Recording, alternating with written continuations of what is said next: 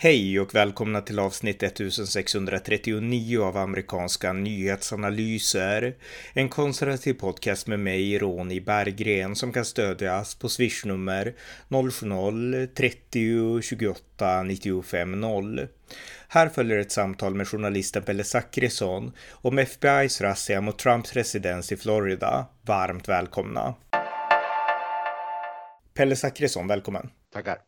Vi ska prata lite grann om eh, efterspelet av den razzia som FBI gjorde mot Donald Trumps hem i Mar-a-Lago i Palm Beach i Florida i förrgår. Och eh, ja, jag gjorde en podd om det här eh, direkt när det hade hänt, men det, det har hänt väldigt mycket på de här dryga 24 timmarna. Har du hängt med de här timmarna i det här? Ja, jag har hängt med hyfsat tycker jag. Jag har väl försökt följa med i spelet. Mm. Och eh, det som hände var helt enkelt att FBI kom till Donald Trumps hem i Mar-a-Lago, gjorde en razzia och eh, Donald Trump var inte där, han befann sig i New York. Eh, men man gjorde en razzia ändå och eh, det som har framkommit för när nyheten väl breakade då visste man inte exakt vad de gjorde och så. Det skrevs ganska snabbt i New York Times att med all sannolikhet så handlade det om att eh, man ville återta dokument som Donald Trump hade tagit, med sig från Vita huset när han lämnade Vita huset 2021 till sitt hem i Mar-a-Lago. Och eh, enligt lag så ska alla officiella dokument lämnas över till National Archives och presidenten får också ta dokument i sig men liksom officiella dokument får han inte ta så att det är liksom ja, mm, lite det liksom angavs som orsaken då i alla fall. Ja, det, det är ju, eh, han får inte ha med sig dokument och det som har blivit en eh, Många har ju trott att det här har att göra med den här januari, 6 januari-utredningen. Men, men det, det, det, är en separat, det ska vara en separat historia. Det ska handla om att åter, återta de dokument som Trump hade som president. Eh, och eh, då har det kommit uppgifter om att Trump säger att han har samarbetat med, med FBI om det här hela tiden och att han har lämnat tillbaka dokument. Så att, mm. Samarbetar med National Archives ska vi säga. Ja. Det, ja. Och FBI också i och för sig. Mm. Ja. Så att det är väldigt många frågetecken och den stora frågan det är varför behövdes den husrannsakan? Vad, vad är det som det är ju historiskt. Det har aldrig gjorts av en, av en, en sittande eller före detta president att FBI gör en husrannsakan hemma hos en, en tidigare president. Nej, det är helt unikt och eh, reaktionerna har ju varit, eh, alltså Trump själv, han spelade in en video där han förklarade att det är en häxjakt och så fort det här hade hänt så det var han själv som avslöjade det hela för han gick ut på sin medieplattform Truth Social och skrev att FBI har gjort en räd mot mitt vackra hem i Mar-a-Lago. Och, Klart att det var vackert. Ja, exakt. Och, eh, och, och sådär. Men, men, men det som hänt, därför att eh, vi kan komma in om en stund på liksom hur man ska tänka om det här. Men det som har hänt rent praktiskt, det är ju att eh, många demokrater och liberaler, jag sa det i min tidigare podd också, de är nu uppe och tycker tycker att oh, det här kan innebära fem års fängelse för Trump och det här kan innebära att han inte får kandidera igen. Men på den republikanska sidan så betraktar man utan tvekan det här som en häxjakt och eh, Alltså, nu har inte jag hängt med exakt liksom timme för timme i det här, men, men liksom av det jag kan bedöma utifrån, jag har ändå hängt med i hela Trumps presidentskap dagligen liksom, eh, och även tiden efter Vita huset, det är ju att Republikanerna inom loppet av 24 timmar så har man nu helt slutit upp bakom Trump igen, ungefär. Mm. Ja, men det du säger här att, att i vänsterliberal amerikansk media så är ju narrativet att nu hotas eh, Donald Trump av fängelse och ibland eh, så läggs det väl då till att äntligen. För att och allt det där spelar in i Donald Trumps narrativ att de är bara ute efter honom. och De vill bara, de kommer inte ge sig förrän de har fått honom i fängelse eller fått honom att, eh, att säga att han inte kommer att ställa upp i presidentval. Liksom. Och det, det blir en, alltså de här två sidorna på något sätt spelar in i varandra. Men just den här äh, att, att det skulle vara på något sätt att säga att han har dokument då som inte är återlämnade men äh, enligt Trump så har de haft en dialog. Han har inte, han har liksom inte motarbetat äh, National Archive på något sätt utan det har funnits en dialog. Och då, då, blir det, då är det svårt att se varför, varför eller det krävs ju en, en väldigt bra förklaring till varför man beslutar om att göra en husrannsakan då mot, dessutom mot en person som eh, med stor sannolikhet då blir en eh, opposition som blir den politiska utmanaren till den sittande presidenten. Mm. Och det är det som gör att det här blir så, det, därför blir det väldigt känsligt. Ja, det här är, och jag menar om vi kommer in på, vi kan prata lite senare om liksom ytterligare konsekvenser, men om vi kommer in på tankarna om det här, så jag tycker att det här är extremt allvarligt agerat av FBI. De måste ha ett superstarkt case för att Trump verkligen har begått inte bara ett brott utan ett grovt, mycket allvarligt brott för att kunna legitimera en sån här sak. Därför att faktum är att USA är ett land där presidenten är den högsta personligheten i USA, den som binder landet samman. Och eh, även om du är en tidigare president så har du fortfarande kvar titeln president. Den behåller man ju livet ut. Eh, så Trump är fortfarande president Trump, även om man inte är en liksom styrande president presidenten då. Och eh, presidenten i USA är en form av landsfader. Alla presidenter, jag menar jag hängde med varje dag under George W. Bush tid och alla presidenter när de träffades, de träffades ganska ofta där i Vita huset. De hade samlingar för att samla in till Katrina, orkanen och liknande och då samlades alla tidigare levande presidenter och Bush pratade alltid om att vi är medlemmar i en ex exklusiv klubb, vi tidigare presidenter, eller vi som har varit och är presidenter. Vi är liksom presidenter och eh, det ställer oss, alltså inte i någon elitistisk form, men det gör ändå att vi har en enhet och en gemenskap som inte bygger på partitillhörighet, utan att vi har varit landsfäder för vårt land, för USA liksom. Och eh, vi har två partier som skjuter liksom skott hit och dit, men vi måste förstå att, att det våran roll är viktig för att hålla nationen samman. Det var liksom alltid Bush budskap till sina tidigare presidenter och jag tror Obama pratar också så ganska ofta. Han lärde sig förmodligen av Bush skulle jag säga då. Men, men just den saken har ju blivit väldigt undergrävt. Alltså det har blivit sån aktivism nu i USA att, att man begriper inte det här. Alltså hur viktig presidenten är. Oavsett om du delar liksom hans politiska åsikter eller inte så är presidenten en enande person som man måste liksom i det längsta ge väldigt mycket släk och liksom väldigt mycket friheter och eh, som konstitutionen säger också bara kan fällas, alltså när det är typ landsförräderi och riktiga allvarliga problem eller brott. Men eh, för små saker, även små saker som kanske hamnar liksom, i, liksom, ja, mm, i gränsfall, där bör man vara extremt försiktig. Därför att annars undergräver man liksom republikens yttersta representant. Så att jag tycker verkligen att eh, FBI, de har inte berättat exakt vad de har tagit eller varför, eh, men de måste deklarera det här totalt, liksom berätta varför vi gjorde det vi gjorde och då bevisa att vi har ett starkt case om att Donald Trump håller på att smida planer på en statskupp eller något nytt sånt. Alltså annars är det här helt eh, förkastligt. I min du, är inne, du är inne på någonting som är, som är um, det som skulle kunna, vad ska vi säga, ursäkta, rättfärdiga det här, det är ju om de kan då presentera att, att han har dokument som är att han aktivt sitter och använder dokument som han hade som president, exempelvis om det, om det har med affärer att göra. Men då måste det vara på väldigt, liksom, måste vara utstuderat och det måste vara grovt och så vidare. Det räcker liksom inte att det är passerkort till, till Vita huset som han inte får ha. För är det på den nivån, och då, då är det här, då är det ett gigantisk, då är det en gigantisk dikeskörning. Utan det måste vara väldigt graverande saker som är akuta också, mm. Eh, som de behöver få tag på. Det finns en uh, artikel som både du och jag har läst i National Review som säger Americans deserve an explanation on FBI's Mar-a-Lago search. Och eh, den artikeln tycker jag var väldigt bra, för den betonar verkligen att eh, det står så här i, i texten, jag ska försöka fritt citera lite grann, att, eh, att eh, vi ska se nu vad det stod, det stod så här att Skillnaden mellan en fri republik och en bananrepublik är inte huruvida de mäktiga kan hållas ansvariga utan huruvida de mäktiga hålls ansvariga på ett legitimt sätt eh, och liksom utan att, för bananrepubliker kännetecknas ju inte av att de mäktiga inte liksom förlorar makten, för det är alltid statskupper och det ena och andra, utan det handlar om liksom följer man ett fungerande rättesnöre och den frågan ja. tål att ställas nu också tycker jag. Helt, helt sant och för, för många för många i Sverige så det finns ju den här aspekten med FBI, det är att det ligger under, försvar, under justitiedepartementet, DOJ, J, mm. och uh, Merrick Garland.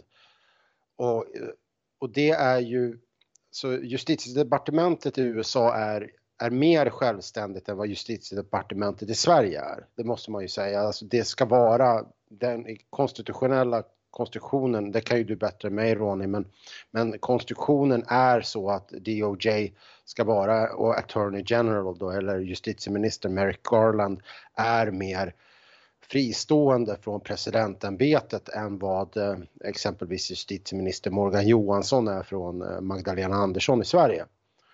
Men, men det ytterst så är det ändå Joe Biden som är ytterst ansvarig för, för DOJ, för justitiedepartementet. Han har en, ett, ett, ett yttersta ansvar och han om, om det visar sig att han hade kännedom om den här razzian innan den gjordes och om han då har gett tummen upp åt det, då är det då är USA i en eh, väldigt allvarlig politisk kris skulle jag säga. Ja, jag håller helt med. Och eh, vi kan väl säga att, eh, jag menar, tänk, tänk tanken att eh, Merrick Garlands företrädare, alltså Donald Trumps justitieminister Bill Barr, skulle ha gett order om att göra en husrannsakan i Obamas resident i Chicago. Jag menar, det hade ju liksom, då hade man uppfattat det här som ännu en ny grej när Trump försöker på något sätt eh, förstöra för demokraterna och liknande. Alltså då hade den här negativa bilden helt varit på administrationen. Så att, eh, att det är nästan ingen kritik nu mot att justitiedepartementet gör så här, det tycker jag är förvånande.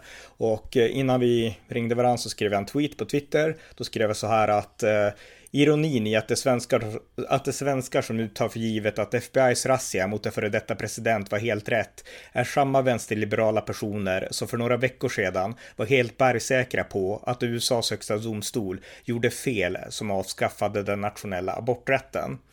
Och eh, där skrev jag då för att påpeka liksom, alltså, liksom de dubbla måtten. Alltså här tror man att FBI, de gör helt rätt och man tror egentligen bara det därför att man gillar inte Trump och man, man romantiserar demokraterna. Eh, man ansåg att högsta domstolen gjorde fel och det beror bara på att man delar inte den slutsats de drog, eller de drog inte den slutsatsen, men den slutsats som blev resultatet av domslutet om aborter. Eh, så att det bygger bara på liksom vad man själv känner om olika sakfrågor, inte konstitutionen. Och jag menar, om vi tar aborterna väldigt kort, jag menar, konstitutionen säger nada om aborter, vilket ger högsta domstolen rätt att faktiskt fatta det beslut de gjorde. Det, är liksom, det står inte i den federala konstitutionen att amerikanska kvinnor har rätt till abort och det innebär det att högsta domstolen har all rätt att lägga det på delstaterna. Men däremot FBI, det är inte alls säkert. Det är i alla fall inte alls lika säkert som det var för högsta domstolen att FBI har rätt att göra som de gjorde. Och eh, som det är nu så hänger det här i luften. För FBI har inte presenterat någonting. Mycket tyder på att de vill göra det här i tysta när Trump inte var där. Jag läste en artikel, det kanske var National Review, om att de hade fått ett tips från en källa inifrån Mar-a-Lago att Trump hade väldigt viktiga dokument och därför måste ni komma nu när Trump är borta. Så att, eh, men de har inte presenterat någonting. Så att vi vet inte alls om det här här är ett starkt case. Och eh, jag menar, vi har också en historia av att FBI har varit aktivister mot Donald Trump, inte sant? Ja, ja, ja. Det, det har ju varit under, under president, Trumps presidentskap så var det en var det massa historier hela tiden. Det var utredningar om, och, om impeachment och så vidare. Alltså att man skulle utreda kopplingar till Ryssland som var helt grundlösa. Och, och, de här, och det här är intressant då, det är ju att en av de här äh, rapporterna, Steele-rapporten, mm. Christopher Steele, äh, som sammanställde en rapport på uppdrag av Hillary Clinton tror jag. Mm, av deras och, kampanj, det var under presidentvalet ja, 2016. Ja, då, sätter hon, då sätter han ihop liksom en smutskastningsrapport eller, eller en, en, rapport över Trump och där det spekuleras om kopplingar till Ryssland. Och, och sen då ska enligt äh, ja, enligt vissa så har FBI använt sig av den här. Men, men det har liksom inte gjorts ja, För att kunna spionera ja. på Trump, för att kunna avlyssna ja. Donald Trump. Jr och ja, eh, general Flynn och liknande. I, i, samba, i, liksom i upptakten till valet. Mm. Och det här har ju inte gjorts några husransakningar hemma hos eh, Hillary Clinton. Det har ju inte gjorts några husransakningar hos eh, de misstänkta personerna i, i de här ärendena. Och det är det också som någonstans blir det problematiska. Det är att det kan uppfattas som en dubbelstandard. Mm. Om man tittar på det på håll utan att ha detaljerna. Man får ju vara, liksom, tänka, ge en, göra en generös tolkning och tänka ja, men FBI kanske har information som inte vi sitter på. Mm, jo, jo. Men, men på håll så ser det ju ut som att man använder dubbelstandard. Och, och då krävs det att FBI förklarar varför man i ena fallet gör husrannsakan och i andra fallet inte. För annars hotas legitimiteten för FBI som eh, institution. Mm. Och FBI, den federala polisen i USA, är, har ju en jätteviktig roll att fylla. Den, den, den är ju helt essentiell för att USA ska fungera som land och då som institution kan du inte undergräva det förtroendet genom att, att göra saker som uppfattas som, eh, som aktivistiska. Nej, men problemet med USA, även, jag menar du har gjort en podd om Amnesty International nyligen, deras utspel mot Ukraina. Och eh, där påpekade vi då att, eh, eller jag påpekade att, att de har gjort liknande saker tidigare mot till exempel George W. Bush och Guantanamo som man jämförde med sovjetiska Gulagläger, en helt absurd parallell. Men, men det visar att internationella institutioner har blivit politiserade. Och när det gäller FBI så visar det här med eh, det som hände 20 16 och liknande att FBI var också politiserat. Och då menar jag inte genompolitiserat utan det var enskilda personer som fattade beslut och, och sådär. Eh, men, men eh, det har politiserats och förtroendet är redan undergrävt. Alltså republikanerna har inget förtroende för FBI.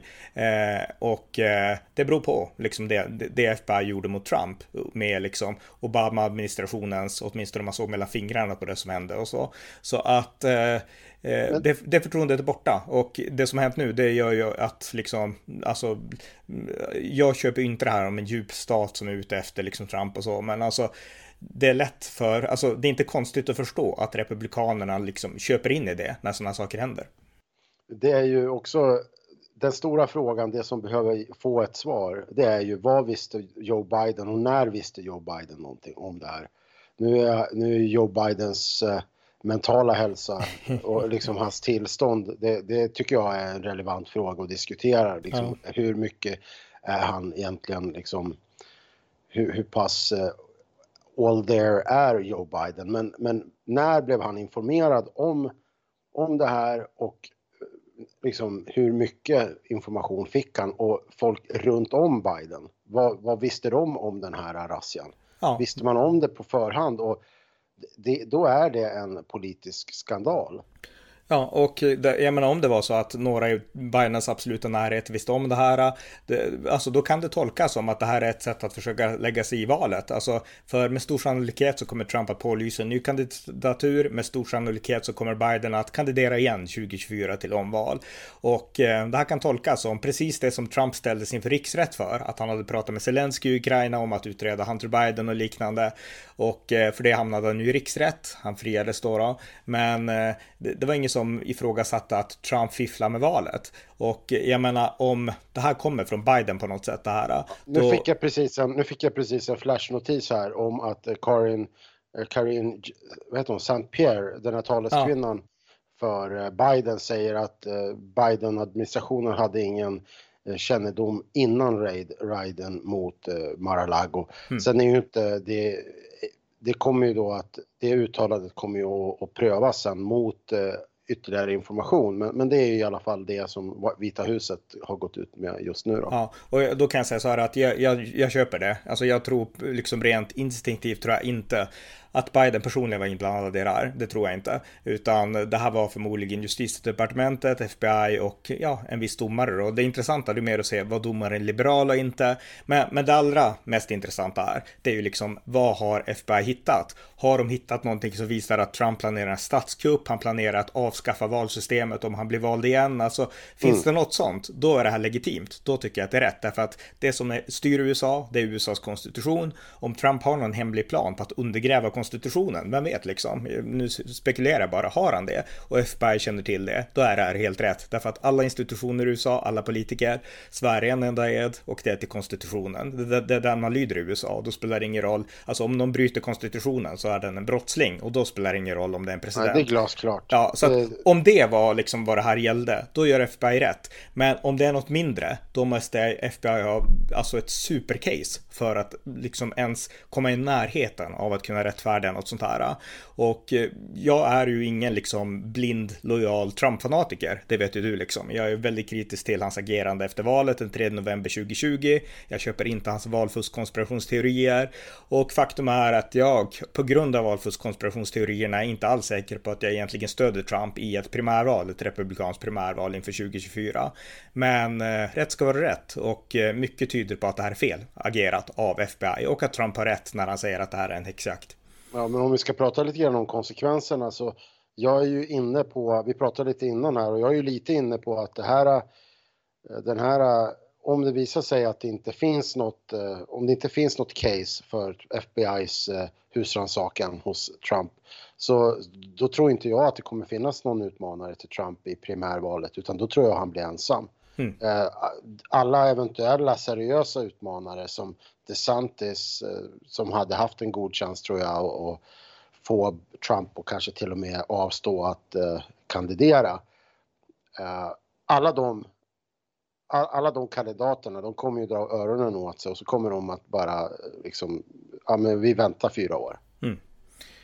Ja, alltså återigen, om det, alltså det som har hänt nu är att Republikanerna har snabbkollat lite på Fox News, alla från Rand Paul, varenda republikan är helt inne på att det här är helt förkastligt av FBI och vi vill ha tydliga förklaringar. Alltså alla republikaner är på den sidan. Liz Cheney vet jag inte, men, men de flesta republikaner är på den sidan. Men, men, men grejen att Liz Cheney gör ju ett fantastiskt jobb i 6 januari-kommittén. Jag är helt för att utreda det.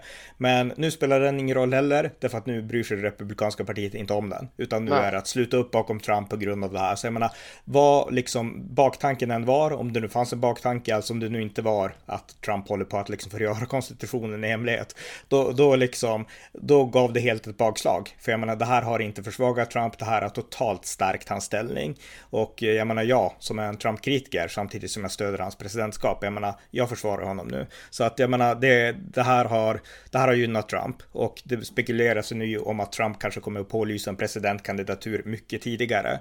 Många menade ju att Trump skulle vänta till efter mellanårsvalen, efter den 8 november, för att då, ja, se hur det går för Republikanerna och så. Men nu så skriver många att Trump bör pålysa nu helt enkelt och bara kicka ut sina primärvalsrivaler och eh, få partiet att sluta upp bakom honom. Och återigen, jag menar en sån här uppslutning har Trump inte haft sedan han lämnade Vita huset. Det här nej. är, nej. Nej, och, och det som har varit, eh, folk har velat att han ska vänta till efter eh, mellanårsvalen för att inte så att säga stöta bort folk. Men jag tror att nu så den, de eventuella republikaner som tidigare har tänkt så här, men jag kan, inte, jag kan inte rösta på Trump. Jag tror att de republikanerna, de känner att eh, mer än någonsin att, eh, alltså de kan utifrån det här tänka att det är viktigare att man sluter samman och eh, tar fighten mot så att säga systemet eller vad det nu handlar om. Den här uh, typiska Trump-retoriken om att, mm. man, att man inte ska vika ner sig. Och, och, det här spelar ju helt i händerna på Trump. Ja, ja men det, det, spelar helt i händerna på Trump därför att jag menar, nu kan han återigen börja prata om drain the swamp och allt det här som han körde 2016 och liknande. Jag menar, det här, han, han har inte pratat så på länge, men alltså det här gör ju bara att det blir en flashback till hur det var då, liksom ja. att det går inte att lita på någon. Jag är den enda som kan rädda USA och kom ihåg att de är inte ute efter mig, de är ute efter er. så jag menar, ja. ja, så att eh, ja, det här spelar helt Trump i händerna och eh, om inte FBI har något glasklart som verkligen visar att Trump är en farlig brottsling då är det här ett övertramp och det, det är mycket illa. Jag tycker... Ett övertramp. Ja. Mm. ja, men en sista sak, för jag tycker att i Sverige måste man verkligen förstå det här som jag försöker hamra in nu med konstitutionen, att USAs president är unik. Hans ämbete är unik och eh, det är sant att en president står inte över lagen, men i vissa små saker står en president visst över lagen och det är det liksom man missar. Alltså Nixon hade rätt anser jag när han sa att eh, det blir rätt när en president säger att det är rätt och det gäller ju inte allt. Liksom en president kan inte avrätta någon eller sådär. Eller okej, okay, terrorister och sånt kan en president avrätta, men, men men, men eh, inhemskt kan presidenten inte göra mycket utan man är extremt bakbunden i förhållande till republiken och konstitutionen föreskriver massa liksom, gränsdragningar för presidenten.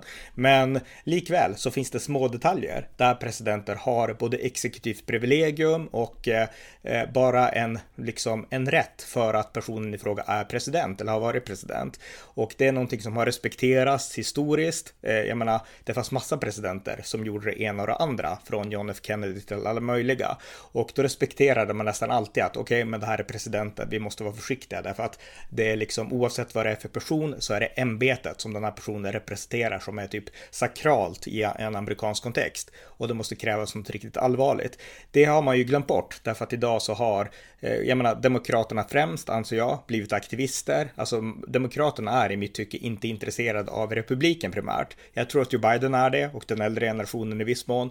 Men det finns många unga demokrater, det är och liknande. De är intresserade av sakfrågor och eh, republiken kommer i andra hand, alltså idéerna bakom USA. Och så tänker väldigt många i västvärlden också. Jag menar om vi tar, vi, vi nämnde Amnesty, men även i svensk politik, alltså många lever ju för liksom sin rörelse mer än kanske för nationen.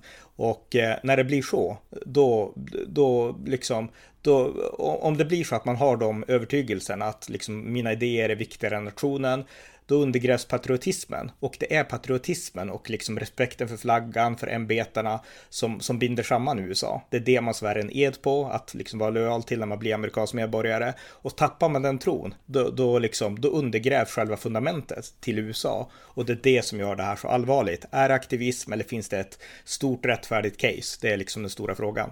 Men eh, ja, jag, jag, ja. jag tror ju avslutningsvis, alltså jag tror ju min spaning det är att det här kommer att leda till en...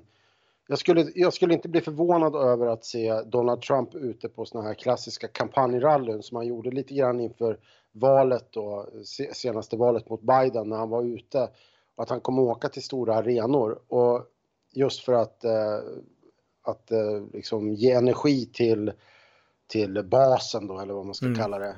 Och jag tror att eh, det här är någonting som vi kan kan komma att se bara de kommande veckorna. Alltså redan nästa vecka att han, han kommer börja dyka upp på sina kampanjrallyn. Ja, det, han håller ju redan sådana kampanjer för ja. fullt inför midterms och vill se America ja, First, jag, republikaner vinna. Ja. ja. nej, men jag tror att vi kommer se en ö, att det kommer öka, för det har ju ändå mm. funnits en, en viss ambivalens där. Vem är det som är vem är det som ska leda oss genom midterms? Mm. Det har en del vill inte ha med Trump, en del vill ha Trump och, och sen har det liksom vunnit å ena sidan, eller varit å ena sidan och å andra sidan. Men nu tror jag det blir liksom the Trump machine liksom. Ska, det blir det här och då kommer ju det också det här som Biden när han pratade om ultramaga som något dåligt. Då kommer det bli liksom det här alltså Make America Great Again och att det mm. var ultramaga crowd. Då kommer de ju använda det här också liksom att nu ska det verkligen vara ultramaga. Och så att det här, ja, det har potential att liksom bli den här... Äh, republikanerna de sista veckorna nu gick inte så bra in mot eh, midterms, men det här kan liksom vara den grejen som sätter igång, får ett momentum, för de hade svårt att samla in pengar. Demokraterna samlar in mycket mer pengar in mot midterms. Och, mm. Så att, ja, vi får se. Jag, jag tror att det här var... Det, om det inte finns ett solitt case så var det här en, en politisk katastrof. Ja, verkligen för Demokraterna. Sen ja. kan jag säga en tragisk sak i det här, därför att jag är som sagt, nu försvarar jag Trump därför att jag tycker han ska försvaras just nu. Men eh, jag är kritisk till väldigt mycket Trump har gjort och jag tycker att det finns stor legitim kritik mot Donald Trump. Och det tragiska med det här, liksom förhastade, av allt att döma, förhastade FBI-beslutet, det är att den legitima kritiken mot Trump, som sådana som Lee Cheney framför, alltså hur Trump hanterade valförlusten, konspirationsteorierna, 6 januari, stormningen av Kapitolium, det är legitim kritik, det ska granskas granskas. Det ska inte viftas bort som Trump försöker göra, utan det ska granskas. Sen så ska det inte missbrukas som Demokraterna säkert vill, men det ska granskas. Och, ja, eh, och, och, och, menar, och den granskningen ja. kommer helt bli bortglömd nu, därför att nu kommer ja. Republikanerna inte bry sig ett dugg, utan nu är det liksom Trump-järnet. Och inte bara det, utan det kan ju också bli så här att den här lögnen om valfusket, att den kommer att återkomma gång på gång på gång och eh, att den kommer accepteras av allt fler. Ja, kan vara så. Det, tyvärr alltså. För att Trump, han kör ju på sina rallyn, alltså alla rallyn han håller. Han är, har inte backat en millimeter. Han är helt övertygad om att Demokraterna riggade valet. Och det är en av orsakerna till att jag har svårt för att stödja honom. Därför att det är det kan bli en farlig cykel. Om man går och tror så och matar in i Republikanerna att det är så, då kan det leda till allvarliga problem tror jag. Men, men du har helt rätt. Alltså jag tror att det här är en sak som kommer att få Republikanerna att säga okej, okay, Trump hade säkert rätt i allt. Mm. Och eh, det är den tragiska konsekvensen av det här. Så att ett, eh, med, av allt att döma av det vi kan utläsa och utröna nu så har det varit ett stort övertramp av FBI och av justitiedepartementet. Och det är ett övertramp som kommer att gynna Trump på gott och ont. Ja. ja. Okej, okay, tack. Tack. Ni har lyssnat till amerikanska nyhetsanalyser. En podcast som kan stödjas på swishnummer 070-30 28 95 0 eller via hemsidan på Paypal, Patreon eller bankkonto. Om ni har möjlighet så skänk också en slant till valfri Ukraina-hjälp. Det var allt för idag. Tack för att ni har lyssnat. thank you